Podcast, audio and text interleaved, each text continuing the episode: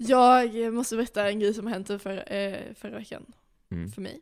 Och För jag, jag förstår om det här väcker jättejobbiga känslor i dig. Oj. Och jag vill inte ta ditt moment. Nej. Nej! Nej, jag vet inte det. Nej. Du kunde ha börjat, du kunde ha kastat in och kört din anekdot först.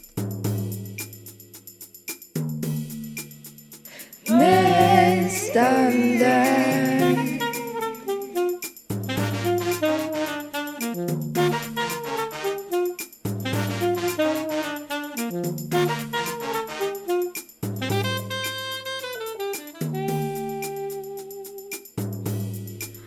Men jag var inte beredd. Nej, fy fan. Vill du börja? Nej, men du kan börja. Okej.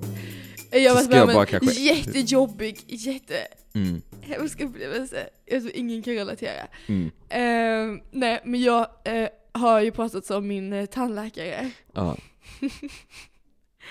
tidigare. det. Eh, vi kanske inte behöver droppa vilken Nej, tandläkare det är. finns det, nej, det finns nog bara en där. Ja, det är inte jättemånga där. Eh, men jag har haft en tandläkare tidigare som har haft väldigt, väldigt kalla händer. Han har varit ganska, alltså han har tänkt att vi är närmare än vi är. Mm. Eh, så, så jag har till slut tagit tag i saken och bytt tandläkare. Mm. Eh, så nu ska jag berätta för er om den här upplevelsen. Så den ligger liksom mitt inne i stan. Eh, jag, ni, och ni som vet, ni vet. Men eh, den, den, jag gick förbi den alltså väldigt många gånger för att hitta dit. Mm. Eh, Får, jag, får jag fråga? Mm. Är den lila? eh, den har ingen färg, det är det. Den är liksom Den har ingen ingenting. färg? Nej, det är det. Den har, den, jag gick förbi den, jag gick förbi den, jag har bara varit tandläkaren, jag ser ingen tandläkare. Nej, det är för att det är ett helt vanligt trappuppgång. Alltså det finns ingen tand... Det, det är inte en tandläkare. Mm. Det är en helt vanlig trappuppgång. Jag, jag kommer inte in, för det finns ingen kod, det finns ingen skylt så där det är så att ah, så här kan du, kan du ringa. Jag försöker ringa, de har ingen telefon. Jag bara okej, eh, vad ska jag göra? Någon annan kommer och släpper in mig, någon som bor i huset antar jag för han hade typ massa så kassa med sig. Oj, ja. Jag går upp för trapporna. Han kanske bara fått jättemånga presenter när han har varit jag går upp för trapporna. Det är fortfarande ett vanligt trapphus. mm. Jag tänker, vad är detta? Sen, de har utanför, de har en sån eh, Skåne-skylt. Alltså så, Sk- Mm, Skånes mm. tandvårdsskylt. Så jag bara okej, det här är typ en legit. Men dörren är, alltså det är en lägenhetsdörr, jag lovar. Mm. Det ser ut som min dörr. Fett läskigt. De har typ en sån brev, alltså du vet en brevlåda. Ja. En lägenhetsdörr. Så jag bara okej, I guess jag typ bara går in eller vad då ska jag typ eh, knacka, vad ska man göra? Så här, what, what's the deal? Jag går in. Där är två personer i hela byggnaden. I hela byggnaden? Alltså i, i hela, hela det här, eh, alltså I lägenheten? lägenheten. Eh, och båda två är tandläkare, de säger typ ingenting till mig. Eh, en är så, hej, hej hej. Eh, jag ser liksom hela, jag ser från rummet jag är i till slutrummet. Mm. Det är en lägenhet. Det ser ut som att man kommer hem till typ mig. Oj. Det finns en soffa och typ ett litet lekbord. Alltså det är inte så ett väntrum? Jo, det är ett väntrum, men det är inrett med, det är inte inrett med väntrumöbler, det är liksom inrett som en lägenhet. Sen Mm. har de typ några så, eh, du vet broschyrer. Ja. Men annars det ser ut som en lägenhet. Så jag bara okej, fett typ creepy. Eh, och typ jag ser in i köket, det är ett vanligt kök. Mm. Ehm, men de har ett längst in har de ett väldigt upplyst rum och det är liksom tan- det är där tandläkarbusinessen sker. Men Mm. jag är helt ensam där inne. Jag sätter mig i soffan. Vad händer? Hon låser dörren. Alltså hon, jag lovar, Med nyckel eller med... ja det är en sån här, alltså i dörren, det är en, en nyckel som sitter i. Ja. Hon tar den, hon vrider om den. Jag, alltså jag tänker, jag skickar min location till Oliver, jag bara snälla någon, alltså du måste typ eh, hålla koll på mig om jag inte, eh, nu vet du vad jag är hos tandläkaren men det är typ någonting som inte är, det är någonting off här. Eh, Ja. Alltså f- fatta om hon hade tagit den nyckeln. Ja. Jag är inne, det finns ändå lite skräckfilmer och sånt om tandläkare. ja, det finns det en del. Jag är, sitter i en alltså, vardagsrumssoffa tillsammans med två stycken vitklädda kvinnor. Det var ju dock skönt. Hade de varit män då hade jag, alltså, jag hade gått i Ja. dörren. Eh, men de var väldigt trevliga. Eh, Så det var ingen fara. Det var, det var min anekdot. Det var lite antiklimax Okej, där. vad hände Nej det hände du- ingenting. Så vad hände sen? Eh, de sa att jag hade jättefina tänder, sen gick jag Aha, okej, så du, du hade inte ont efter och... eh, Nej men det, vad Det ska var jag säga? Så. Du sa du hade perfekta tänder? Den sa jag hade Eh, jag, jag sa, det finns en i min eh, absoluta närhet som inte mår så bra just nu. Eh, och jag är väldigt rädd att bli som den personen. Eh, så, så kan ni snälla ge mig bekräftelse. Och de gav mig jättemycket bekräftelse och var så nej, du Mm. behöver aldrig oroa dig för att du ska bli så. Okej, nej men det var så här eh, förra veckan. Eh, så gick jag liksom, det var i Malmö. I ett så här lägenhetshus. Var du också? nej. Var du det nej jag skojar, nej men det var kul, men det var ett lägenhetshus. Ja. Och eh, alltså men man, ja, det var så här. man såg, de hade dock på fönstret som man såg. Ja. Men jag gick in i en trappuppgång, det var en lägenhetsdörr. Nej! Har jag suttit och dratt den här storyn och det är så alla i Malmö Det var är? det du trodde, du trodde att det var crazy men då... Så, jag har, har opererat ut en av två visdomständer. Så tänk detta, att detta ska alltså hända igen. Ja. Vill Var ha det din diagnos? Alltså, min diagnos? Var detta din anekdot? Det är typ min diagnos också. Eh, nej men, uh, måste man säga så här eh, att det här kan vara känsligt för barnen, för känsliga Ja, För nu ja. tänkte jag att nu kör jag alltså in i minsta detalj exakt hur det går till när man opererar ut en visdomstand. Oj. Okej, ja. Hoppa fram tio minuter kanske. Tio minuter? ja, hopp, alltså man får, ja. Lyssna på egen risk om man till Men det var, okej. Då kan jag börja med det. In, när jag, jag fick reda på detta för lång tid sedan, jag har pratat om detta alltså så otroligt länge. Det är det enda jag pratar om, jag har sagt att jag ska operera ut.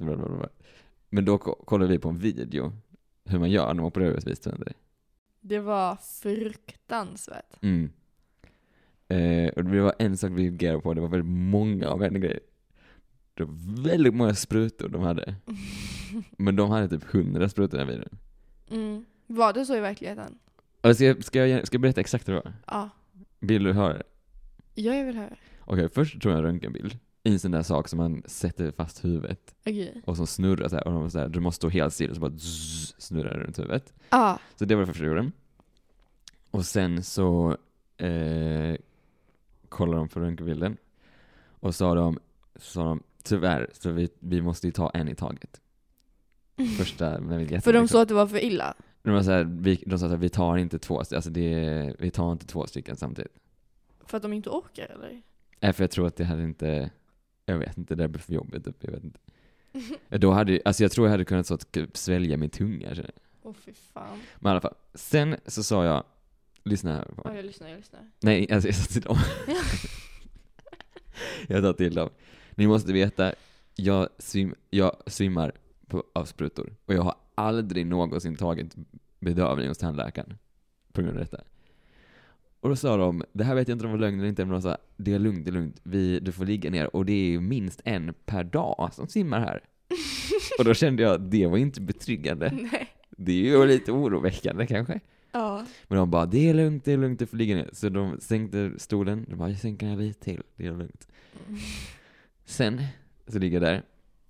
Och då, det, så ser jag i min ögonvrå, alltså den största industrisprutan jag någonsin Fy sett. fan. Alltså helt så, du, alltså inte sån vanlig, utan helt i typ, alltså som när du ska söva typ en ko. Ja. Alltså så i metall, den var typ så här, alltså den var Ja. Jag såg i min ögonvrå direkt och jag bara, jag måste blunda, så jag blundade. Tog den, det var ändå fine. Tänkte jag, det är över. Nej. Då kom, kom det typ fem till sen. Fan. Det blev typ fem sådana sprutor. Ja. Det var fine, det var fine. Det, var, det gjorde inte ont, det var inga problem. Alltså om man är sprutad, det är inga problem. Okej. Sen så sa tandläkaren, eller vad jag vet inte vad det heter. Den som gjorde det. Mm. Tandläkare, jag säger tandläkare, jag tror kanske är kränkning av så, men han bara, "Ah, jag ska bara sätta på lite musik. Han sätter på, alltså på Varför satte han på musik? Tror jag vet varför han satte på musik. Aha. Det kommer inte, du får inte spoila. Han sätter på, alltså högsta volym på en högtalare med dansbandsmusik. Oj, han har kollat upp det innan. Jag gillar inte dansbandsmusik. Vad är det du gillar? Slag? Ja, det var inte slag, det var Okej, ja. ett, bara så du vet, jag tror att det sitter ganska långt ifrån om du Oj. vill få med. Nej, men han satte på alltså högsta volym dansband. Eh, och den bara, oj, oj, det var lite högt där, och då kände jag, vad är det som händer? Och sen så sa jag bara, ah, det kommer vara jättestark lampa så vi ska lägga på så här, typ skinkor på ditt ansikte. Så de la på någon sån här grej på ansikte, det står ingenting. Och sen var det så här, så ja, det har du känt, det känns lite konstigt, det, ja, hela tungan, alltså halva tungans domnar bort, halva ansiktet, alltså allting är så, känns Mm. inte. Och sen bara, okej, nu kör vi. Då sätter han igång typ, alltså på decibelnivå som en motorsåg, om inte högre. Och så har jag, det är en sköterska på ena sidan av mig, den som ska dra, ta, operera tandlack, ta- tand, tanden på andra. Ja. Sköterskan tar typ, alltså de två tillsammans, typ krr, alltså pressar mitt huvud. Varför gör de det? Eh, De, de höll mitt huvud så otroligt stadigt. För sen kom han med den här, alltså typ motorsågen eller vad det var. Jag står ingenting motorsåg. Och bara, alltså han tar i som om, alltså tänk att du ska typ borra den här väggen, alltså betongväggen med världens sämsta borr och du vet om det och du vet att du har en chans, du måste göra det. Men Alltså han tog i, alltså typ med hela, alltså alla sina muskler bara, otroligt, och hon liksom, alltså jag typ trycktes in med huvudet i sköterskan och hon såhär bara, där borde stå emot det. Och så var det som, alltså det var som, det var helt galet. Det låter så sjukt. Varför gjorde de det? Hur kunde Jag de vet tänk inte. de råkade, alltså, Jag var väldigt Köra orolig, för såhär, okej jag ont. var bedövad så det gjorde inte ont, men jag kände fortfarande. ja. Och så om han, alltså han slinter lite nu, då är det hela jag som, då är det hela mitt ansikte som eh, försvinner här alltså. Och så var det också såhär, och, alltså fattar ni också att det blästas dansbandsmusik på Varför högsta nivå? Mm, Alltså, ja. Och sen så var det så, ah, den, alltså det här är en quote, quote. Han bara, alltså den jäveln sitter hårt. Så du ska i ännu mer? Men är det att de skulle bända upp det typ? Nej alltså det var att han sågade någon. Åh! Alltså det är såhär, du, först så skär du, alltså sågar du tandköttet, sen sågar du själva tanden. Kan det vara för att du inte skulle få se det verktyget som de la Mm. ögonbindeln? Och de bara, ah, det, det är lite stark lampa. Ah. Nej, det var för att han stod ovanför mig bara, alltså så, fy f- Det måste vara en helt galen människa som vill jobba med det. Såga i folks ja, ansikten. och de var så här, samtidigt som han gjorde det så var de så här, han bara, alltså tänk då att jag ligger och så, han tar i allt man kan, "Äh, har du sett den här tv-serien? Alltså, Men han, de var jätte, alltså de var jätte, jättebra. Så, ja. De var jättebra. Och sen var du klar. Eh, sen så sydde de ihop, plockade ut handen, sydde ihop det. Och sen var det klart. Fick du någon leksak? Nej. Dåligt. Ja. Någonting borde du få. Alltså du borde fått typ en glass kanske. Nej. Fick ingenting. Usch. Eh, ja, jag har precis återhämtat mig från en väldigt tung emotionell dipp orsakad Mm. av eh, ljus som jag är allergisk mot. Så om jag låter som att jag är det för att jag sitter och gråter. Alltså mina tårar rinner längs mina kinder medan vi as we speak här. Ja, Det var faktiskt jobbigt. Vi fick lämna, evakuera rummet och ljus- ljuset hade varit. Alltså jag vet inte om detta är en faktisk gre- grej, eller jo jag märker att det är en faktisk Ja, det grej. händer ju varje gång. Eh, men det, jag vet inte varför vi fortsätter tända ett ljus, men jag är typ allergisk mot ett eh, ljus vi har hemma. Ehm, så varje gång vi tänder det så blir jag, så får jag väldigt mycket, eller det känns samma som ångest. Mm. Ehm, så- du, Jack ska flytta väldigt nära mig, men jag är ändå väldigt, väldigt ledsen för att han har dumpat mig. Eh, och eh, att han inte kom, vill vara med mig mer. Vilket inte har hänt, men jag känner ändå verkligen en sån eh, djup sorg över detta. Ja. Jag kan inte sluta gråta. Nej. Det har ju inte hänt. Men tror du varför vi sa att vi kom fram till att vi umgicks varje dag denna vecka med att vi inte umgicks? Ja, ja det kanske är det. För, alltså gud jag sitter verkligen och storballar. Eh, ja, för Jack sov ju här fem dagar, den, eller fem nätter denna vecka. Men det resulterade inte i så många timmar av umgås. Och inte så många timmar idag att vi vill ligga på våra över till 100 timmar. Eh, nej men så det, det kanske är det eh, som gör att jag känner mig så himla himla eh, övergiven av dig. Mm. Eh, samtidigt som du också s- sitter här och framför, alltså det är, jag vet, jag förstår inte vad det är som händer men okej. Eh, det här, ja förlåt, det, bra Men ibland, intro. ibland blir det så. Ibland blir det så, så jag, jag vill podda men eh, det är tufft just nu. Mm. Det, det är det. Men vi öppnade ett fönster så vi ska vädra ut i alla fall. um, Okej, men så, så det, um, jag, jag googlade upp eh, två, två poddare som jag lyssnat på ganska mycket den senaste typ två, tre månaderna Mm. eh, förra veckan. Och det var, alltså det, det satte saker i perspektiv. Jag vet inte Okej. riktigt vad jag, jag vet inte riktigt hur jag har föreställt mig dem. Eh, men jag har typ sett dem som väldigt så, jag vet inte, ganska djupa, insiktsfulla typ. Mm. Eh, och sen när jag såg dem så var jag så, alla mina fördomar bara slogs mot mig. Mm. Eh, för att de såg ut som fuckboys. Alltså de såg verkligen eh, ut som, alltså de var jättesnygga. Men de såg inte så djupa ut. Okej. Eh, och sen så har jag liksom försökt lyssna på den podden igen. Mm. Efter att jag såg dem. Och det har typ, alltså det har lite fuckat för mig. Mm. Jag känner jag måste jobba på detta. Jag är så fördomsfull. Eller jag, jag har verkligen försökt att vara så okej men det spelar ingen roll hur de ser ut. Jag, alltså, det är ju budskapet som spelar roll. Varför, Mm. varför håller jag på att bry mig så himla mycket om hur de ser ut? Men det är som att jag bara ser dem framför mig när de pratar. Alltså, alltså, Jag kommer ihåg vem det låter som nu. vadå? Galningen i Love is blind. Och han, vad heter han? han var, var det Sergio eller var det, nej det var han som skulle dejta Chrissy Lee eller vad hon nu hette. Alla var gal, alla män. Ja, nej du har så rätt. Eh, Jag ber om ursäkt för detta. Eh, Det var inte meningen att Eh, Nej men, nej, men med. det, du har helt rätt, du har helt rätt. Eh, men, men alltså så här.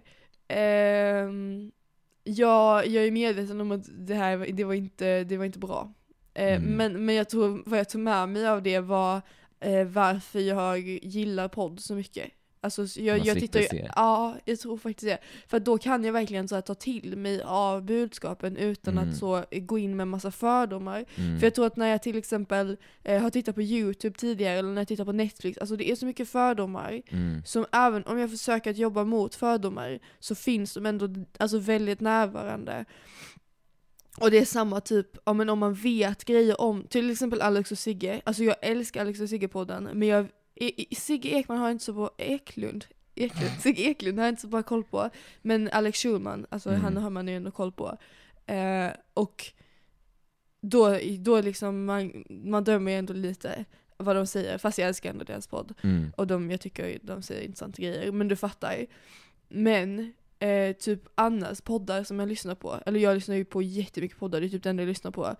Att jag eh, kan verkligen gå in eh, och se all, allting jag hör som en så blank, vad heter det? Blank canvas? Mm, Nej, men du mm, fattar. Jag mm. kan verkligen gå in och bara höra det för vad det är de säger, utan att och liksom lägga massa tolkningar i det. Mm. Men det går typ inte efter att jag har sett hur de ser ut. Alltså det, jag, jag har så, alltså jag skäms över att säga det, men det är så det är. Och jag tror det är så det är typ vad man än tittar på, att man liksom, man, alltså obviously man har fördomar, men du fattar. Mm. Kan du, kan du eh, känna att när du tittar på, ja men typ, eh, jag vet, Netflix eller någonting, att du typ så går in med en automatiskt positiv eller negativ eller så tolkning av vad folk ska säga? Eh, ja, det är 100 procent. Alltså jag tror väldigt mycket i verkligheten, eh, så tror jag det mest, det jag gör typ mest är att när jag, det första jag tänker när jag tittar på någon är att jag tänker, alltså helt beroende på utseende, om jag tror att de, så här, den här personen kommer gilla mig eller ogilla mig. Mm. Att jag någonstans, alltså ändå lägger den värderingen typ. Ja, hur, okej inte baserat på utseende. Jo, bara, det är ju bara, alltså Aha. första blicken liksom. Jag förstår. Vad brukar vara karaktäriserande för de som gillar dig? Eh, ja men nej men det, det är inte så många. Det är inte så många som gillar dig, det är jättemånga som Nej men gillar jag ska, nej men så jag tänker, nej men, eh, eller det är väl mer kar- att jag brukar tänka att den här kommer ogilla dig. Mm, Okej, jag fattar. Det förstår jag verkligen. Alla som ser ut som så eh, Lilla Torg eller typ pappa betalar. Och det, men det tror jag, Instant nej, no. ni får inte säga så. Varför får Men du ska säga säga så? för det tror jag för att det är sant, men Ja, det är. Det är inte sant inte nödvändigtvis. Nej, jag har nej. blivit, eh, alltså jag har suttit på ganska många sammanhang där jag har interagerat med personer som jag tänker så, herregud det här kommer aldrig gå. Och så Mm. har det typ ändå gått väldigt bra. Ja, det, alltså det, det är ju så. För det är Mm. inte sant. Men många bär ju också sina värderingar på utsidan. Alltså det är, ju, Ja. det är ju så det är, och jag tänker att typ fördomar är väl kanske inte helt, alltså fel ibland. Ja, faktiskt. Det beror på, alltså när man säger fördomar så tänker man ju bara typ så, eh, rasism typ. Mm. Men det är ju för, fördomar är ju jätte, jättemycket större än så. Mm. Och det är också typ vad som gör att man inte behöver lägga typ all sin vakna tid på att försöka sortera vilka man ska typ hänga med och inte. Men, Mm. men, det, men det var väldigt intressant för jag tror att jag väldigt gärna har velat tänka, alltså jag tror det är en sån grej, att när man har, eller när jag har, ett beteende som jag vill ha, Mm. så jag hittar på att jag har det. Så jag tänker typ att så, nej men jag är inte så, jag, bas- jag eh, kan höra eh, saker för vad de säger och sen döma det för Mm. vad det är. Men jag insåg då att nej det kan jag verkligen inte för Mm. att det var alla deras ord förändrade innebörelse. Mm. Förstår du vad jag menar? Mm. Och det blev så uppenbart liksom. Ehm, jag vet inte riktigt hur man skulle kunna jobba på det, men jag tänker jag försöker liksom fortsätta lys- lyssna på dem eh, och, alltså, och försöka gå in med samma inställning som jag gjorde innan jag visste hur de såg ut. Mm. Alltså som sagt, de är skitsnygga. Eh, alltså, de- eller de är jättesmarta, inte säkert jättesmarta, de är jättesmarta. Men hade jag sett hur de såg ut eh, innan så hade jag nog inte gett dem en ärlig chans. Mm. På så sätt som jag gjorde nu, när jag inte såg hur de såg ut innan. Mm. Ja. Jag tror att de, precis som ganska många andra i mitt liv, har väldigt snabbt blivit någon slags liksom jätteupphöjda idoler. Eller jag försökte att inte få dem som upphöjda idoler. Mm. Men jag, har, jag tror jag har väldigt lätt att liksom låta min hjärna formas av vilka jag konsumerar. Ja. Du kan nog se vad jag menar ändå. Eller? Ja. Men jag tänker det, eller det är väl, alltså så här, om man hittar en person som man gillar, Mm. så blir det väl att och jag tänker också eller om man så här, om, jag, om jag hittar en person som tänker, ja ah, det här säger typ smarta saker. Om man liksom, då, då kan, kanske de säger något, om man hade tagit, tagit eh, ur någonting specifikt ur sammanhanget och typ anonymiserat det, eller någon annan hade sagt det, då hade man kanske tyckt att det där var dumt. Mm. Men så att de säger det så, Ja, verkligen. att man blir, eller så jag känner det, om jag vet typ att jag, om jag så ty, eh, tycker om någon, alltså detta är ju då offentliga personer. Mm. mest. Men att man blir också så att man, eh, om de säger någonting dumt, så är man så här, ja men de menar det säkert inte så, Mm. eh, eller ja, att man lägger liksom till egna grejer för att, Ja, precis. Jag tror, jag, jag tror att det är mycket så eh, jag har gjort. Du, du vet ju vissa eh, som jag verkligen sett upp till eh, mycket och konsumerat jätte, jätte, jättemycket. mm, Eh, jag syftar kanske speciellt på en podd. mm, Ehm, och att så jag har haft så mycket, jag har haft överseende med väldigt mycket grejer som jag inte håller med om. Och sen så till slut så gjorde, eller så kanske de sa eller gjorde en grej som jag absolut inte höll med om. mm, Och då var det som att det, alltså det blev typ nästan som en chock. Eller det som, jag tror att jag insåg då hur mycket jag har också identifierat mig med dem. mm, Och att det blev som att jag behövde omvärdera mig själv. mm, Jag tror också det är därför som många, till exempel när de har en idol och sen så kommer det ut att den personen har typ så eh, våldtagit jättemånga. Att de, lev, de är så nej, nej, Mm, nej, det hade han mm. inte kunnat göra, nej. Därför att så här, om man ser upp till en människa eller liksom tar till sig så mycket en människa säger och sen så visar det sig att den kanske inte är helt som man tänkte.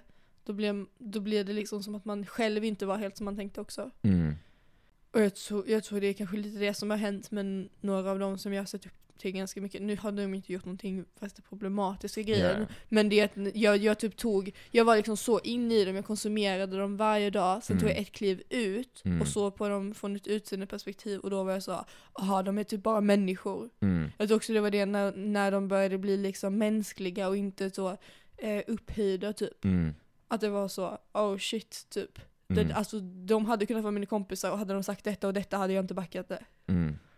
Det är ett av mina favoritämnen. Vad jag tror, den svenska översättningen är para- parasociala relationer. Kan inte du berätta vad det betyder? Det är att, alltså relationer med så, typ, alltså det är typ fiktionella eller offentliga personer, eller det är relationer där det går på ett håll. Att jag får lära känna en person jätte- jättemycket, men den, den vet aldrig att jag ens existerar. Typ. Mm. Eller den vet knappt att jag den vet ingenting om mig. Eh, och så att man bygger liksom en relation som är baserad på en, en väldigt liksom avskalad eller snäv representation, eller eh, det behöver inte vara snäv, men en representation av någon annan. Mm. Och så bygger jag en hel relation på det.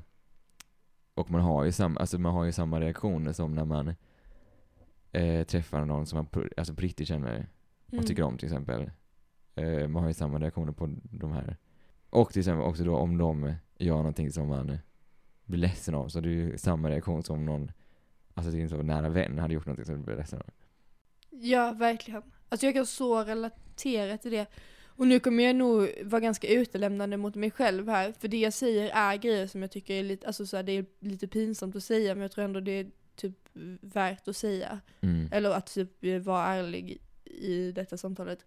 Men, men jag har ju gjort så kanske mer än jag tänkt att jag gjort Mm. också. Att jag har nästan börjat känna mig typ utanför i ett socialt sammanhang som jag aldrig någonsin varit del av. Mm. Ehm, att jag kanske har konsumerat eh, vissa personer som är liksom inte kända nog för att vara eh, helt, eh, alltså det är inte, det är inte, jag vet inte, Katy Perry liksom. Mm. Utan det är personer som ha, jag hade kunnat känna dem. Mm. Eh, och sen så konsumerar jag dem så otroligt, otroligt mycket. Att jag liksom kommer typ nästan nära dem, känner jag. Mm. Och sen så är, är det som att jag har typ distanskompisar där jag är så, aha ni går typ umgås och så är inte jag med. Och det är Mm. inte som att jag på ett övermedvetet plan tänker det. Det är inte som att jag bara wow varför är inte jag bjuden? Alltså självfallet Ja, ja. inte. Men, men de känslorna typ finns ändå någonstans eh, långt, långt inne typ. Mm. Och att jag, bör, att jag märker ett skifte av, från där jag börjar vara så, ja ah, det här var typ inte nice, det var nice, det var nice. Till att det, till att det känns lite som om du hade sagt grejer. Att det är Mm. som att jag behöver backa det, förstår du? Mm. Mm, att jag genom att ingå i relationen har signat upp på att låta det definiera vem jag är. Precis så som eh, ma- man dömer ju kanske andra människor efter vilka de umgås med. Alltså Mm. så, säg jag skulle typ börja lära känna någon, sen skulle jag träffa deras kompisar och de var svin. Då hade jag ju dömt dem. Och att de då blir en del av min sån krets. Jag vet inte, Mm. det här var väldigt långdraget, men förstår du vad jag menar? Mm. Nej men det blir ju som, alltså som en verklig relation, fast det uppstår ju massa, alltså här, på ett sätt så är det ju liksom eh, fantastiskt för att man själv gör ju aldrig, alltså du bara får massa. Mm. Och att typ, man, alltså man själv kan typ aldrig göra fel. Mm. Eh, så för att det är bara den andra personen som gör, så man bara liksom tar, tar allting. Det ju, kan ju vara jättehärligt liksom. Mm. Och sen så att, eh, så att men det är jättejobbigt samtidigt. Så, för att så här, ja, jag, men okej, jag, jag kan, jag behöver aldrig ge någonting, men jag kanske vill ge någonting. Jag vill, så jag vill kanske vara, träffa dem på riktigt, alltså, för man, det, man upplever det som om det är en riktig relation, och det är ju jättekonstigt då att här, jag får aldrig vara med dem. Men jag känner som att vi känner varandra jätteväl. Precis. Och sen helt plötsligt, jag känner det är väl det som också är en grej som man, är liksom jättejobbig när de också, nu, det kanske är mer alltså riktigt kända som säger så att, att så här, ni som följer med, ni som vet, alltså, jag vet inte ens vem ni är. Mm. Ni måste typ ta det lugnt. Mm. Alltså ni, vet- ni, känner, ni känner liksom inte, alltså ni vet inte vem jag är på riktigt, det är bara en sida. Att det känns ju jättekonstigt. när man säger, "Ah, okej." Verkligen. Här kände jag typ att jag kände den här människan. Och att vi var typ kompisar. Ja. Det blir också svårt då när de gör någonting som man inte riktigt backar.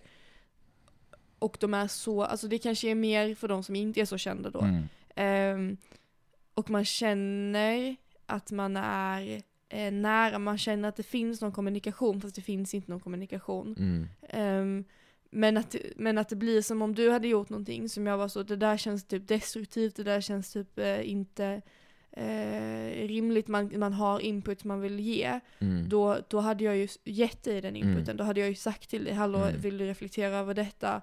Eh, vad, vad är det som sker här? Det här är inte, jag känner inte igen detta hos dig. Mm. Eh, men när det händer med en person som man haft den här ensidiga relationen till så kan man ju inte säga, man kan ju inte vara så jag känner inte igen dig. Mm. För det är nog det som har hänt lite för mig nu, att jag känner oj, det här är inte beteende jag känner igen. Mm. Jag blir nästan lite så oro, eller jag märker oroskänslor i mig. Mm. Att så, oj men det här, så här brukar inte du bete dig, så här, det här känns out of character typ. Mm.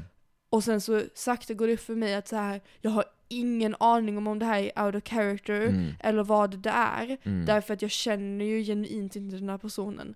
Ehm, och jag tror också att eh, vad som har uppkommit i, alltså nu, nu har jag ju, eh, nu pratar jag kanske specifikt om eh, någon Mm. eh, person. Men, eh, men jag tänker att det går att applicera i olika grad på olika kanske halvkända, minikända personer. Mm. Eller jättekända, inte för mig men. ehm, men att det här, den här insikten om att så, oj du var inte som jag eh, tänkte, började komma när jag fick väldigt mycket mer insyn i Mm. personernas eh, och personens liv. Mm. Och jag tror det var det också, att när det gick från att bara typ, ja men vara någon som man konsumerar, eh, liksom kanske en gång varannan vecka, sen en gång i veckan, sen blev det liksom, alltså man konsumerar den hela tiden, så det Mm. blir som en genuint nära vän, då, då börjar ju saker synas, Mm. som man inte backar. Mm. Det är svårt att veta vad som är en hälsosam eh, nivå att lägga liksom att bli inspirerad. För jag tror det är det det brukar börja för mig som att jag blir inspirerad och det är nog det det håller sig till eh, liksom he- hela tiden. Mm. Nu vill jag också säga att nu, jag vill inte ge disclaimers eh, och jag vill vara helt ärlig men efter- eftersom att jag vill vara helt ärlig så vill jag också vara tydlig med att det här är inte någon liksom obsession. Jag vet Mm. Eh, det finns, fanns något ord för typ när man har någon sån ensidig relation och man blir liksom eh, uppslukad. Alltså jag förstår ju att jag inte har en relation med de här Mm. personerna. Det här är liksom, det håll, jag tror att vad det är för mig är ganska vanligt ändå. Ja, jag tror liksom- typ alla har det. Precis, precis. Så att nu kanske det låter som att jag lyfter upp det som att det vore någon liksom helt abnormalt eh, Nej, alltså jag tror alltså 100% att alla har. Precis, precis. Alltså vad jag pratar om är bara så, någon som du konsumerar väldigt mycket av. Jo, men, jag, men jag, alltså, också att det får någon form av känslomässig reaktion. Alltså om det är så här, du tycker det är kul, tycker det är inte, alltså så. Precis. Och för mig så är det att jag blir inspirerad. Men sen så jag, kan jag ha svårt att veta vilken, eh, vilken gräns jag ska sätta för hur inspirerad jag kan bli. Mm. Eh, för, för när jag börjar konsumera någonting, då konsumerar jag ju det så otroligt mycket. Så om jag börjar lyssna på en podd, då lyssnar jag inte på ett avsnitt, två avsnitt, utan jag lyssnar på alla avsnitt de någonsin lagt upp. Jag liksom har det i öronen tills jag har eh, lyssnat ut alla avsnitten. Eh, och då då bildas ju någon slags helhetsperspektiv av vad de tycker och jag bara när jag har börjat ta till mig grejer så tar jag till mig mer och mer och mer och mer och mer och ofta så är det väldigt bra. Jag tror att det är jättemycket tack vare podden som jag typ, alltså poddar som jag konsumerat eller eh, andra grejer jag konsumerat som jag mår mycket, mycket bättre nu och Mm. hittar typ eh, strategier för att så jag vet, ta mig fram i livet och så Mm. eh, och, och ha det nice. Jag är tacksam för det. Men jag vet inte riktigt var gränsen ligger. Mm, Gränsen för vad? När blir det att jag inspireras av grejer som personer jag ser upp till säger och Mm. när går det över till att jag försöker bli personerna Mm. som jag inspireras av? Det är en svår gräns. för jag kan också, ja, för det känns som, det känns lätt också som man hittar någon person och så börjar man säga, ah, det där, det där blir jag inspirerad av, det där tycker så här, åh oh, gud vad den här personen verkar positiv på det här sättet. Då kan man också, det kan man ta till sig av. Men, men ja, jag fattar vad du menar. Jag tror det är en bekväm grej att göra det eh, hos personer som man inte känner. Mm. För jag tror att när jag var yngre, det är nog en ganska vanlig grej för typ eh, alltså barn. Men, men jag kommer ihåg att jag försökte ju kopiera dig jättemycket när vi var små. Mm. Det kommer du nog också ihåg, att jag försökte liksom ha alla dina hobbys, jag försökte göra allting precis som dig. Och att det började med att jag, jag var så, ah cool människa, jättehäftigt. Till Mm. att det liksom blev någon slags, jag försökte typ leva ditt liv. Mm.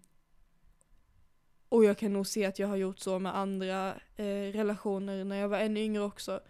Men att det går ju inte, alltså det är ju inte hållbart, så kan man inte göra som Mm. vuxen i alla fall. Som barn är, funkar det väl ett tag, men som vuxen kan man ju inte hålla på och kopiera personer i ens liksom direkta livs Nej. liv. Det, det, det funkar, det håller inte.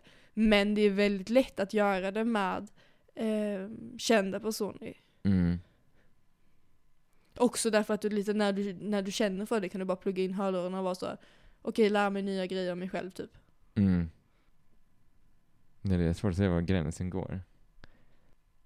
Alltså, jag tänker, alltså, när jag, när jag känner, när jag har känt så typ att, ja alltså jag vill typ, det här, det här, det här, det här, det här, det här, det här vill jag vara som det här, alltså exakt så här. Så, ja man får bara vara varm. med var, alltså varm. Jag alltså, för min del så är det, jag tror de sakerna mycket om, som, ja, för min del, som jag tänker så det här, så här är det också, så, det är typ då saker som är alltså, osäkerheter, Mm. mycket. Så det är kanske inte så inspirerande men, Hur menar du med osäkerheter? ja men till exempel om, om jag, om det är någon person som känner, att den här personen verkar så bra på detta, jag vill också vara så. Då är det antagligen någonting som jag har någon, alltså, känner att jag är lite sämre på eller har någon osäkerhet över. Mm. Det är sant. Men samtidigt så här, det det kan ju också vara jättebra om man hittar, alltså, vet, ja, det, så här, den här gör så och så. Då kan man, Ja, jag tror det är ju så en, en människa byggs upp. Jag tror inte det finns någon människa som liksom från, från ingenstans bara bestämt sig för hur den ska göra grejer. Om det inte kommer från eh, grejer som kommer till en i vuxen ålder så är det ju från liksom en, ens eh, föräldrar eller de som Mm. uppfostrar den. Så, så jag, jag tror att det, om man nu lyssnar på detta och är så "Haha, jag skulle aldrig göra det. Jo, det är så, det är så ens personlighet det är så finns. man skapar en personlighet. Precis. Men, men sen kan man välja kanske, och det är det jag tänker att jag behöver börja reflektera lite mer över, mängden av eh, Mm. influenser. För att jag tror att eh, det är hälsosamt att ta lite influenser därifrån, lite influenser därifrån. Men vad jag gör är ju att jag, okej men de här tre månaderna tar jag alla mina influenser från dessa två personerna. Mm. Sen byter jag för då blir jag besviken på dem. Och så, så hittar jag typ två nya personer och så har jag hel, alltså hela in, intaget av Mm. nya influenser kommer från dessa personerna. Mm. Istället för att vara så, ah det var nice det den sa, det var nice det den sa. Och så, så tar jag, plockar jag lite, det gör man ju ofta omedvetet. Mm. Men, men att det blir liksom så himla snävt. Och då är det ju lite mer som att bara kopiera någons personlighet. Mm. Men jag fattar verkligen det, alltså när man fastnar, för det, jag tycker också det är så mycket lättare att fastna för någons personlighet när det är, alltså någon, någon som man inte känner då, eller så.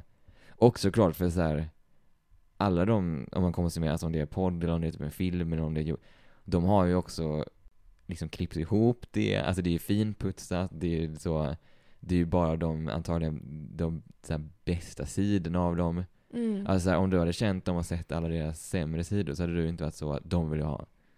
Nej, och det är ju det, är det som ofta händer, att när jag börjar eh, bli liksom att jag kommer för nära, så, Mm. i, så är det ju som om det hade varit eh, personer i mitt liv. Att jag är så, Mm. aha, ni tycker också så här och så här och så här. Och det, det, där gick det typ ändå över någon slags gräns. För det är ju inte som att jag inte fi, alltså finns.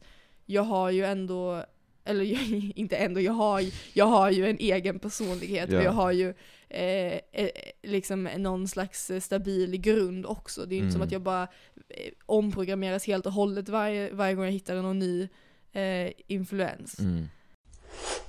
Och när man redigerar till exempel poddavsnitten så tar man ju också bort allting när man är så, eh, mm, ska jag säga detta? Så att man Mm. låter så himla säker på sin sak. Jag tror det är också någonting jag söker efter omedvetet, jätteomedvetet. Mm. Men nu, mm, eller nu börjar jag försöka göra det medvetet. Efter när jag ska hitta vem som ska bli min nya liksom influensperson. Mm. Att det ska vara någon som låter som att den liksom inte precis kom på det. För det är det många grejer vi säger i podden här, kom vi på alltså typ 10 minuter innan vi poddar, eller samtidigt som vi poddar. Mm. Men om man tar bort när man är så, oj jag kom precis på den här nya grejen. Mm. Då låter det ju som att det är någonting som är bas- baserat i liksom massa livserfarenhet och så. Jag, jag kom, kom på mig själv när jag insåg att hur jag, alltså hur jag låter, hur jag pratar. Att jag har, alltså det låter inte så bra alltid. Mm. Alltså då gick jag ju till så och kollade upp typ eh, skådespelare och kollade på klipp från filmer med dem. Och tänkte så, okej hur kan jag låta så här? Alltså hur gör de? Alltså jag har genuint suttit och varit så, eh, jag, jag kollar på en film, liksom hört en replik, kolla, alltså också, jag har gått in på så tonlä, alltså här, varför låter de, varför låter de så mycket, varför låter så mycket bättre än de? Så varför låter allt så mycket smartare, varför låter det bättre, roligare, allt och jämför så här, okay, kan, jag, kan jag matcha det? Och då är du inne på en grov nivå av liksom, och det kopiering eller så. Ja, det är ganska medvetet också. Ja, det var jag var ju ute efter. Alltså. Men, men ja, det är ju, alltså det är ju då, alltså det är en osäkerhet hos mig och att jag går till det mest, alltså fejkade scenariot som finns. Det är ju väldigt dumt och liksom, men det är ju det som jag då, att det är då jag känner att det, okej, det är perfektion. Mm. Om jag vill bli bättre på någonting, då tar jag det som är perfekt och så utgår jag från det, men det är jättedumt. Jag- Man kan göra, jag tänker man kan göra så på andra saker, Mm. men kanske inte på så ens egna beteenden. Nej. Eller för min del, det blir väldigt lätt fel. Ja, det blir också lite att det spär på osäkerheten, tänker jag. Ja, ja, det är ju bara jämförelse också. Det. Precis. Och jag kommer ju aldrig kunna, jag kommer aldrig kunna uppnå att jag i var, min vardag alltid pratar som någon som, från en film, som är liksom klippt och inövat och det är en skådespelare och det, Nej, verkligen. Men var går gränsen då? För att, som sagt, vi kommer ju inte komma undan att vi tar influenser och Mm. att det är så vi liksom bygger vidare på oss själva. mm, Och eh, det är ju också ofta så man utvecklas. Jag tänker att till exempel när man läser en bok, alltså mm, det är ju det är ju lättare att tänka eftersom att det är typ, om man säger en YouTube-video, att det är så oj nu tar jag jättemycket influenser från den här personen och det kanske jag idealiserar den. Men det är ju, eh, och att det då skulle vara problematiskt, men om man läser en bok så är det ju som att Nej men då är det inga, ingen fara, för det är ju en självhjälpsbok och därför så kan jag helt och hållet ta influenser. Men det är ju Mm. exakt samma grej. mm, Alltså för jag läser ju jättemycket självhjälpsböcker. Och, och där märker jag att jag med vissa författare, vissa författare är väldigt närvarande i sina texter, men med vissa författare eh, tar det lite som, som att det inte finns någon person bakom det. Förstår Mm. du? Att det är så, aha men nu, det här, om jag, om jag bygger min personlighet efter den här boken, mm, och om jag liksom eh, utvecklar mig själv efter orden här, då är det ju jag själv som gör det ut efter mig Mm. själv. Men det är ju egentligen exakt samma sak som om den här författaren hade suttit och sagt grejerna i, i ett poddavsnitt. ja, Eller i en YouTube-video, eller i en TikTok, eller eh, vad som helst, i en låt. mm, Ehm, och, och, och, och, så kommer det ju behöva vara. Vi kommer ju inte, man, jag tror det blir svårt om man har som målsättning att man ska bygga sin personlighet helt själv, för det kommer man inte kunna göra. nej, nej, det är omöjligt. Men Då vad- kommer man inte bygga någon. Precis, så var går den sunda gränsen? Det är det som är så svårt och... För, för, för, ja. Jag känner lite för min del, vad jag känner har varit dåligt och inte bra. När jag, när jag har känt så, jag vill inte, jag, jag vill vara den här personen, eller mer som den här personen, för jag vill inte vara mig själv. Mm. Så inte typ att jag tänker så, nu ska jag lägga till den här grejen, utan så här, okej nu, nu ska jag ta bort den här grejen från mig. Och ersätta den med den här grejen, för att jag vill inte vara mig själv, jag vill vara den. Då, det känner jag inte bra. Nej, det har du helt rätt i. Och det tycker jag inte heller är typ så, för jag tycker verkligen det kan, det kan vara så personlighetsutvecklande och identitetsutvecklande och så inspireras andra, ser andra gör. Men om man då liksom gör så att man plockar bort saker av sig själv, det är inte utvecklande, alltså det har inte kommit någon, och det kommer aldrig kunna bli, man kommer inte kunna upprätthålla de grejerna. Nej. Det går, för det går ju inte bara att plocka bort, så, okej då tar jag bort den här saken som jag gör. Nej precis, och då blir det ju bara någon slags stress. För jag tänker, det var ett bra eh, exempel det du sa när du lyssnade på skådespelare, hur de pratar. Att, att om du bara skulle bestämma dig från en dag till en annan, att nu ska du ta bort hela hur du pratar och börja Mm. prata som dem. Det kommer inte gå att upprätthålla som du säger. Mm. Eftersom att det är ju inte du alls. Ja. Då är, ja, det blir väldigt energikrävande i alla fall om du skulle kunna upprätthålla det. Mm. Men så om jag hade, så, om jag läst typ en bok som inte var någon person som skrev, alltså det var en, vad säger man, neutral bok. Om kanske så, hur du blir en bättre talare. då hade jag ju inte tänkt alls. Jag hade ju säkert fått det resultatet som jag hade velat få när jag sitter och tittar på en skådespelare och en film. Mm. Men det hade ju inte det hade inte, det hade inte varit så självdestruktivt känner jag. Mm. Nej, därför att du inte jämför dig med en bok, eller? Ja, alltså boken har inget ansikte och det är inte, ja precis. Mm. Jag tänker ju inte så den här, den här boken är bättre än mig på att tala. ja. Det är att den lär mig hur jag ska göra för att jag ska bli bättre. ja. Ja men det, att, så här, om, jag, att jag lär, om man lär sig av andra bra, Mm. om man vill bli den andra, det är kanske inte så bra. Nej, och då går vi också tillbaka till det här med hur mycket man får lov att ta från andra. Mm. För att om du bara liksom plockar ut aspekter av eh, vissa personer, till exempel så kan jag göra med personer som jag känner i verkligheten också, att jag är så, eh, och så som, eh, men, men ett exempel, jag träffade en, okej, jag har en eh, manlig kompis, min manliga kompis eh, mötte mig på gatan tillsammans med eh, någon eh, tjej som han eh, dejtade lite, som jag aldrig träffat innan Ja. han introducerade inte henne, eh, och, utan började prata med mig direkt. Och då bara sträckte hon fram handen och bara hej jag heter så här.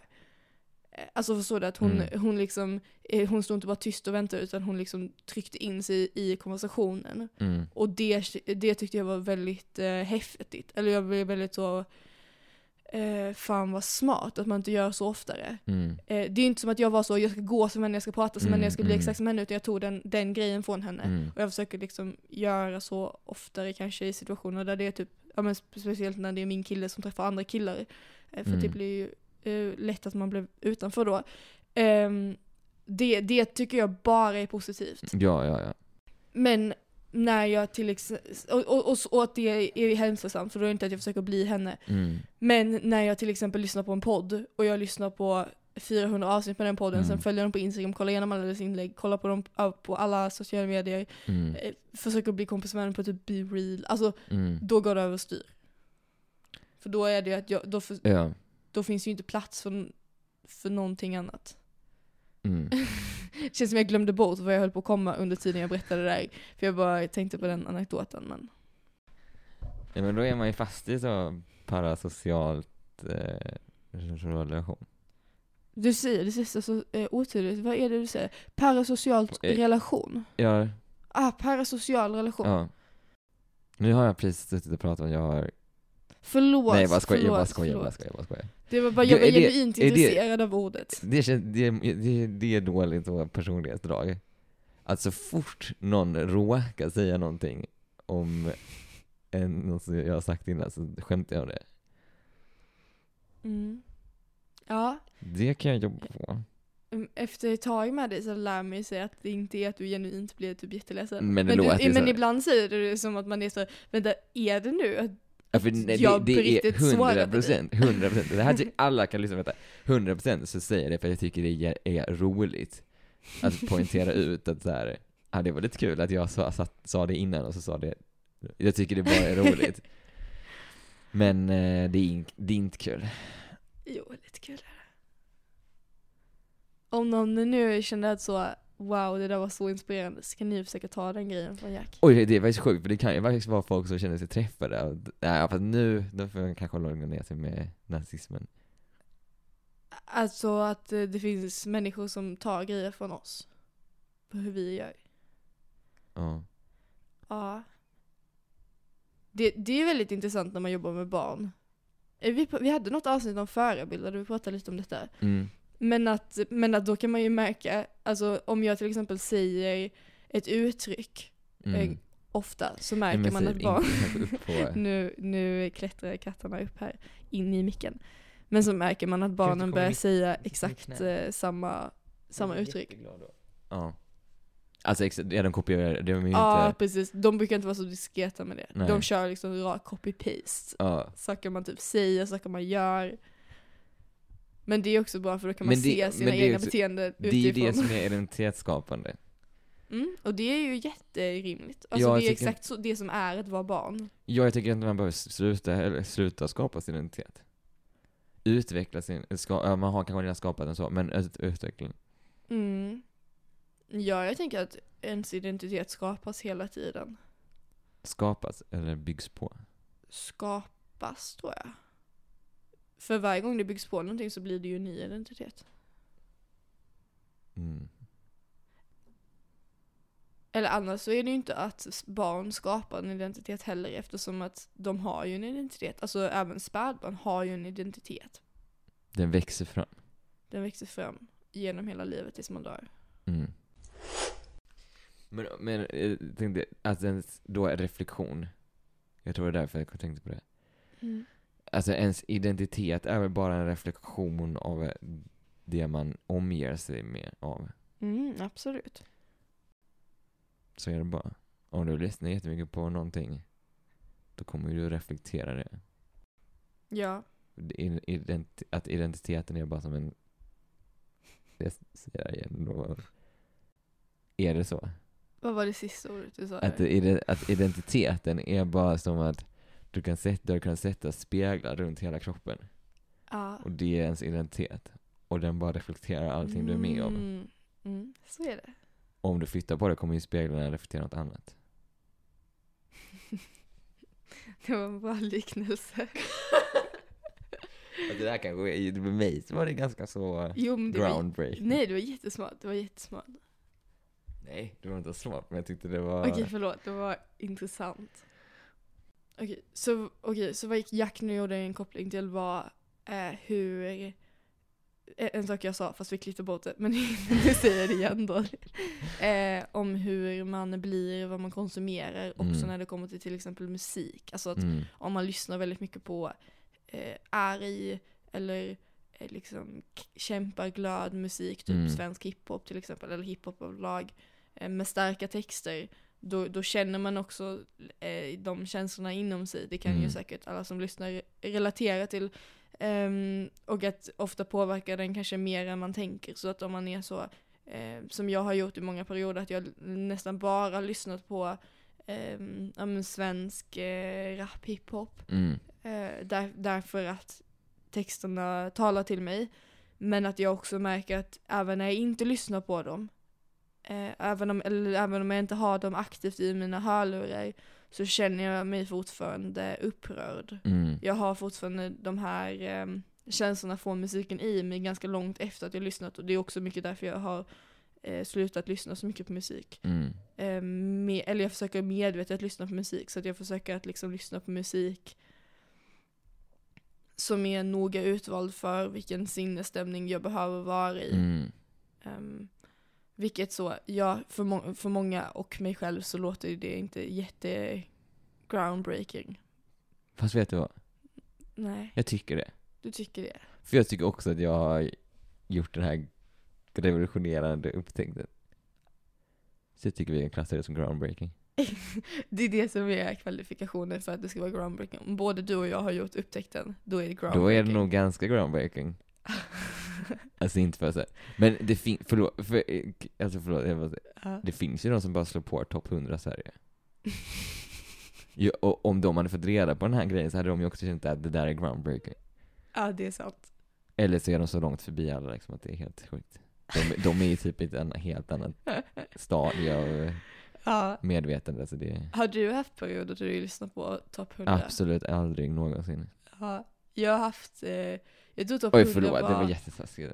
Nej det är okej. Men jag, jag, jag tror topp 100 var liksom min väg in i samhället. För jag visste ju inte man kunde lyssna på musik innan. Mm. Eh, jag hade inte förstått, alltså jag hade inte Spotify, jag vet inte om det fanns då, men jag hade inte Spotify eller någonting sånt så, ehm, när jag var liten. Eh, och, och jag började liksom upptäcka YouTube. Mm. Jag, men jag fattade typ inte riktigt hur man sökte. Men så, så någon gång kom jag över den här eh, topp 100 svenska Mm. låtar, för min kompis visade mig det. Och då var det, det var första gången som jag var så, jag kan alltså lyssna på musik när det inte är på radion. Mm. Jag har ändå typ lite makt, för jag kunde ju scrolla fram och tillbaka i den. Ja. Jag har lite makt i vad jag lyssnar på ändå. Det var, alltså det var början på något stort. Det var som första gången jag upptäckte Facebook-evenemang och Det så här, hela jävla världen bara blev jättestor. Mm. Mm. Men, men sen kanske man inte behöver, det kan man göra. Helt okej. Men eh, det finns ju väldigt mycket out there. Det kanske är lite, om man kanske kan se, om om man får säga så, att lyssna på topp 100 är lite som att läsa nyheterna. Att du ser så, vad är topp 100, vad är det folk lyssnar på? Mm. Jag känner, jag gick från att lyssna på, eh, eller från, alltså jag har bara alltid lyssnat på samma. Så vad var det du gick från då? Då har du inte gått gå- från någonting. någonstans. Jag går från att lyssna på musik, musikteater, musikal till ännu mer musikteater, Men du kanske hade mått bra av att lyssna på Det är det jag 100 börjar då, fundera på. Jag har aldrig gjort Sitt det. inte här och dissa de som så ändå, det är ändå hundra olika grejer de Jag lyssnar på. tillbaka allt jag sa. Jag lyssnar ju då på, jag har, jag har ingen, eh, jag, vad heter det när man tar, Ingen bredd. nej, när man inte har rätt att tala om någonting för att man inte, Jaha, du har inget tolkningsföreträde. Ja. Mm. ja. Så jag tar tillbaka det där så jag sa. Men det som är groundbreaking är att jag har ju då lyckats, samla- alltså genom livet, samla på mig en otroligt stor bank av olika musikaler. Så det finns ju alla, Mm. alltså hela känsloregistret finns ju. Mm, det har du verkligen. Det är eh, kul när du visar dina låtar. Mm, jag säger bara, finns det på topp 100? Tror inte. jag säger tror inte för jag vet inte. Nej, du får kolla. Det är inte omöjligt. Det, förlåt, det här, det här är, nu, nu kommer jag ju låta lite taskig mot det du precis sa. Men vi låter ju lite som att vi är så, vi är inte normie, fuck the norms, fuck the Men normie det är väl inte people. the norm att lyssna på topp 100? Jo, det Jag är inte- exakt så det blev Nej, topp det är 100. ju det, det, det är det det är ju. Eh, ja, så att, att hata topp 100 är ju att, att hata majoriteten.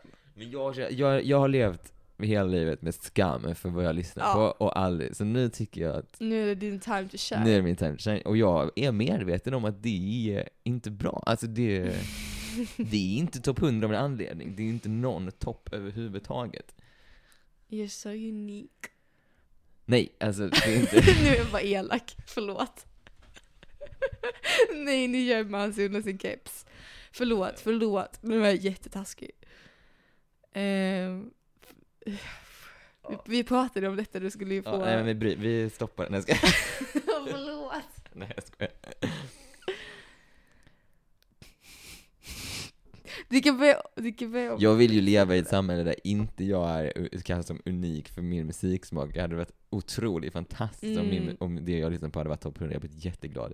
Det är ju min drömvärld, jag vill ju bara, jag vill leva i en Mm. musikal där allting är bra. Och om det hade varit topp 100 så hade det ju världen varit så. Mm. Ja, jag tycker att om, om man blir påverkad av musiken man lyssnar på, så de musikalerna du lyssnar på, eller det kanske bara är mitt huvud, men jag tänker att många musikaler är så hippi bippi bi, allt är så nice, wow, vad glada alla är. Så då eh, Du tänker ju att bli jag lyssnar på hela tiden? Ja. Eh, det mörka grejer. Nej, min favoritmusikal är ju, den börjar hippi bippi bi, allt är bra, sen kommer andra akten och det allt är hemskt. Vilken är det då? Min favoritmusikal? Mm. Vet inte det. Ja, men kanske inte podden vet. Nej, vet du det? nu blev jag lite ställd mot väggen där. Ehm, det är ju inte Falsettoland. Utan Nej, det är inte Fawcett Land. det är Falsetto... Det är Falsetto. World. Falsetto... Det är min dröm. Falsetto. Är det Falsetto? Ja, Falsettos. Falsetto? Det är det som är din favorit? Mm. Jag vet så mycket grejer. Just det, det är La La Land.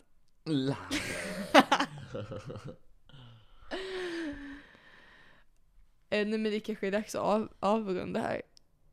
Ja, när vi kom in på mitt favoritämne. Förlåt, förlåt, nej! Nej, vad.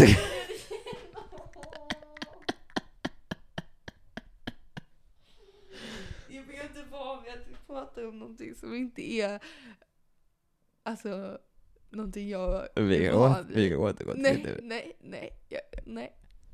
Förlåt, förlåt. Jo men jag kan säga så här, för jag kan dra tillbaka det till en lite snygg parallell, att den första gången jag kände så här, jag vill vara den där personen. Det var ju typ första gången jag såg alltså en musikal, eller musikteater skulle jag kanske mer klassa det som. Ja. Första gången jag kände, wow, alltså jag kände bara, wow. Den där, alltså den där personen Ja. vill jag vara. Sen blev jag galen, eh, kanske typ 20, äh, det vill jag veta- kan jag berätta det här? Alltså, Ja, berätta. jag såg den här personen då på TV, och kände, wow, alltså det där är den bästa människan som finns. Det är alltså en karaktär då, inte den riktiga personen. Jag vill vara så. Och det, det, det var det så när den, när den körde sitt första liksom sång dansnummer. Då kände jag, wow, jag fick ett uppvaknande. Och sen så, bör, sen efter det, när jag då direkt efter skulle, alltså jag var också typ fem, alltså jag var inte gammal. Direkt efter det så skulle, kände jag, okej men nu ska jag vara den här personen. Så då ska jag köra en jävla alltså, show i soffan. Började göra det, alltså började typ klättra upp på soffryggen och typ var helt galen. Spillde ut glas med dricka, sen var det stopp. Då, där, alltså då kände jag att nu gick jag över gränsen. Det är så, det, jag blev typ possessed, alltså jag tog av mig. Ja. Och jag kände jag kan, jag kan, jag kan inte hantera att vara den där personen. Alltså, och då blev jag också såhär, jag kommer aldrig kunna bli. Du kommer aldrig kunna bli den personen. Jag vet inte vad jag sa precis här, men jag försökte bara det. Nej men jag tycker det känns väldigt lyxigt att få det. Det här känns som när du är känd, att det är någon slags eh, intervjumaterial man kan sälja dyrt. Så det, jag är tacksam, jag har min va? Säg du Mm. blir känd eh, sån musikalartist. Då ska jag sälja detta. Vem ska jag sälja det till? Det vet jag inte. Nej. USA tror jag. Nej, USA? inte USA. Då tror jag, varför skulle de vilja ha det? Ja. För det var det som var ditt uppvaknande. Nej, ja, mitt uppvaknande med så eh, personlighets... Alltså det var ju inte, det var så här, det var inte att jag så jag tänkte såhär, oh jag vill vara en skådespelare. Jag ville ju vara den, alltså jag ville ju vara den personen. Så, Mm. inte att jag ville vara en skådespelare, jag ville vara den karaktären, att, jag, att, att den typ fanns på riktigt. Jag förstår. Vi Alltså, har ju parasociala relationer till oss själva. Till oss själva. Ja. Det här känns intressant. Hur menar du nu? För vi lyssnar ju på våra egna avsnitt, upplever så en perfektion, alltså en värld som inte finns, en fiktionell värld där vi har liksom klippt och skurit. Och så matas vi av det. Det är så och så sant. tänker vi att så här, det är ju vi. Ja, och, och vi är ju skitsmarta. Men det är ju, för vi glömmer ju bara, alltså vi hör ju ofta avsnitten kanske två veckor eller en vecka efter att de spelas in. Så de har ju glömt bort allting som man har klippt bort. Så är man så wow, alltså att vi har ett sånt här samtal, brukar vi vara så intellektuella? Alltså, det är vi ju verkligen igår inte. visade du ju mig Alex Sigges podd. Och Ja. jag trodde ju genuint att Nej jag... men det här kan vi inte vi- säga. men, eh, men det är ju, Det här, ja. Har eh, du tänkt på detta eller? Eh, nej jag har inte tänkt på detta innan, men det är väldigt sant, alltså det ger ju ett självförtroende som man inte kanske helt förtjänar. Att lyssna på sig själv så eh, förfinad. Mm. Nej, vi, alltså Nej. ärligt talat vi klipper inte så mycket, vi Nej, ganska nu låter det som nu låter det som att vi klipper bort jättemycket. Vi brukar kanske klippa, om vi tar en timme och 20 minuter, då blir avsnittet kanske 50 minuter. Ja. Så inte så mycket klippt. Det är vi faktiskt jätte, vi säger ju, det, vi, vi kommer ju på det vi säger. Och sen blir vi otroligt fascinerade över det vi själva säger. Ja. Exakt. Men då kanske det är bara, alltså så här, om man ska gå in i någon Ja, alltså jag hoppas att det heter parasocial, men, alltså för det heter ju parasocial på engelska, men jag antar det är parasocial. Om man ska gå in i någon sån relation, Mm. så är det då med sig själv kanske. Mm. Jag, alltså jag vill uppmuntra alla som lyssnar på detta och skapa en podd. Och sen så redigera dem, sen lyssna inte igenom avsnittet igen på kanske typ två veckor. Mm. Och sen var så Wow, det där är så inspirerande, jag måste typ börja leva efter de här grejerna. Mm. Ja, för det är du själv som säger det Mm. till dig. Det är självdisciplin. Man ska göra ett avsnitt som är så Diska disken, det är så bra för den mentala hälsan, bla bla bla. Sen när man inte vill diska disken, man lyssnar på avsnitt om en själv som Mm. säger diska disken, man bara wow det här är så smart, så man gör det. Om man säger det så som vi säger alltid så här, alltså jag kommer på alltså en helt sjuk grej. alltså jag har provat att börja diska disken. Exakt. Okej, men nu behöver jag gå och kissa. Och Jag, jag vill gå och dricka te. Så vi Jag kanske också. får säga hej då till våra älskade, nej, kära, Våra lyssnare. käraste. våra käraste lyssnare. Hej då. Hej, vi, har inte, av- vi har inte lagt av med att säga hej då. Eh, jo men det kanske vi har. Det här är sista hej då ni får nu. Oj. Hej då! Hej då. Nästan där. Det kan vara sista i det här avsnittet. Ja, smart. Ja.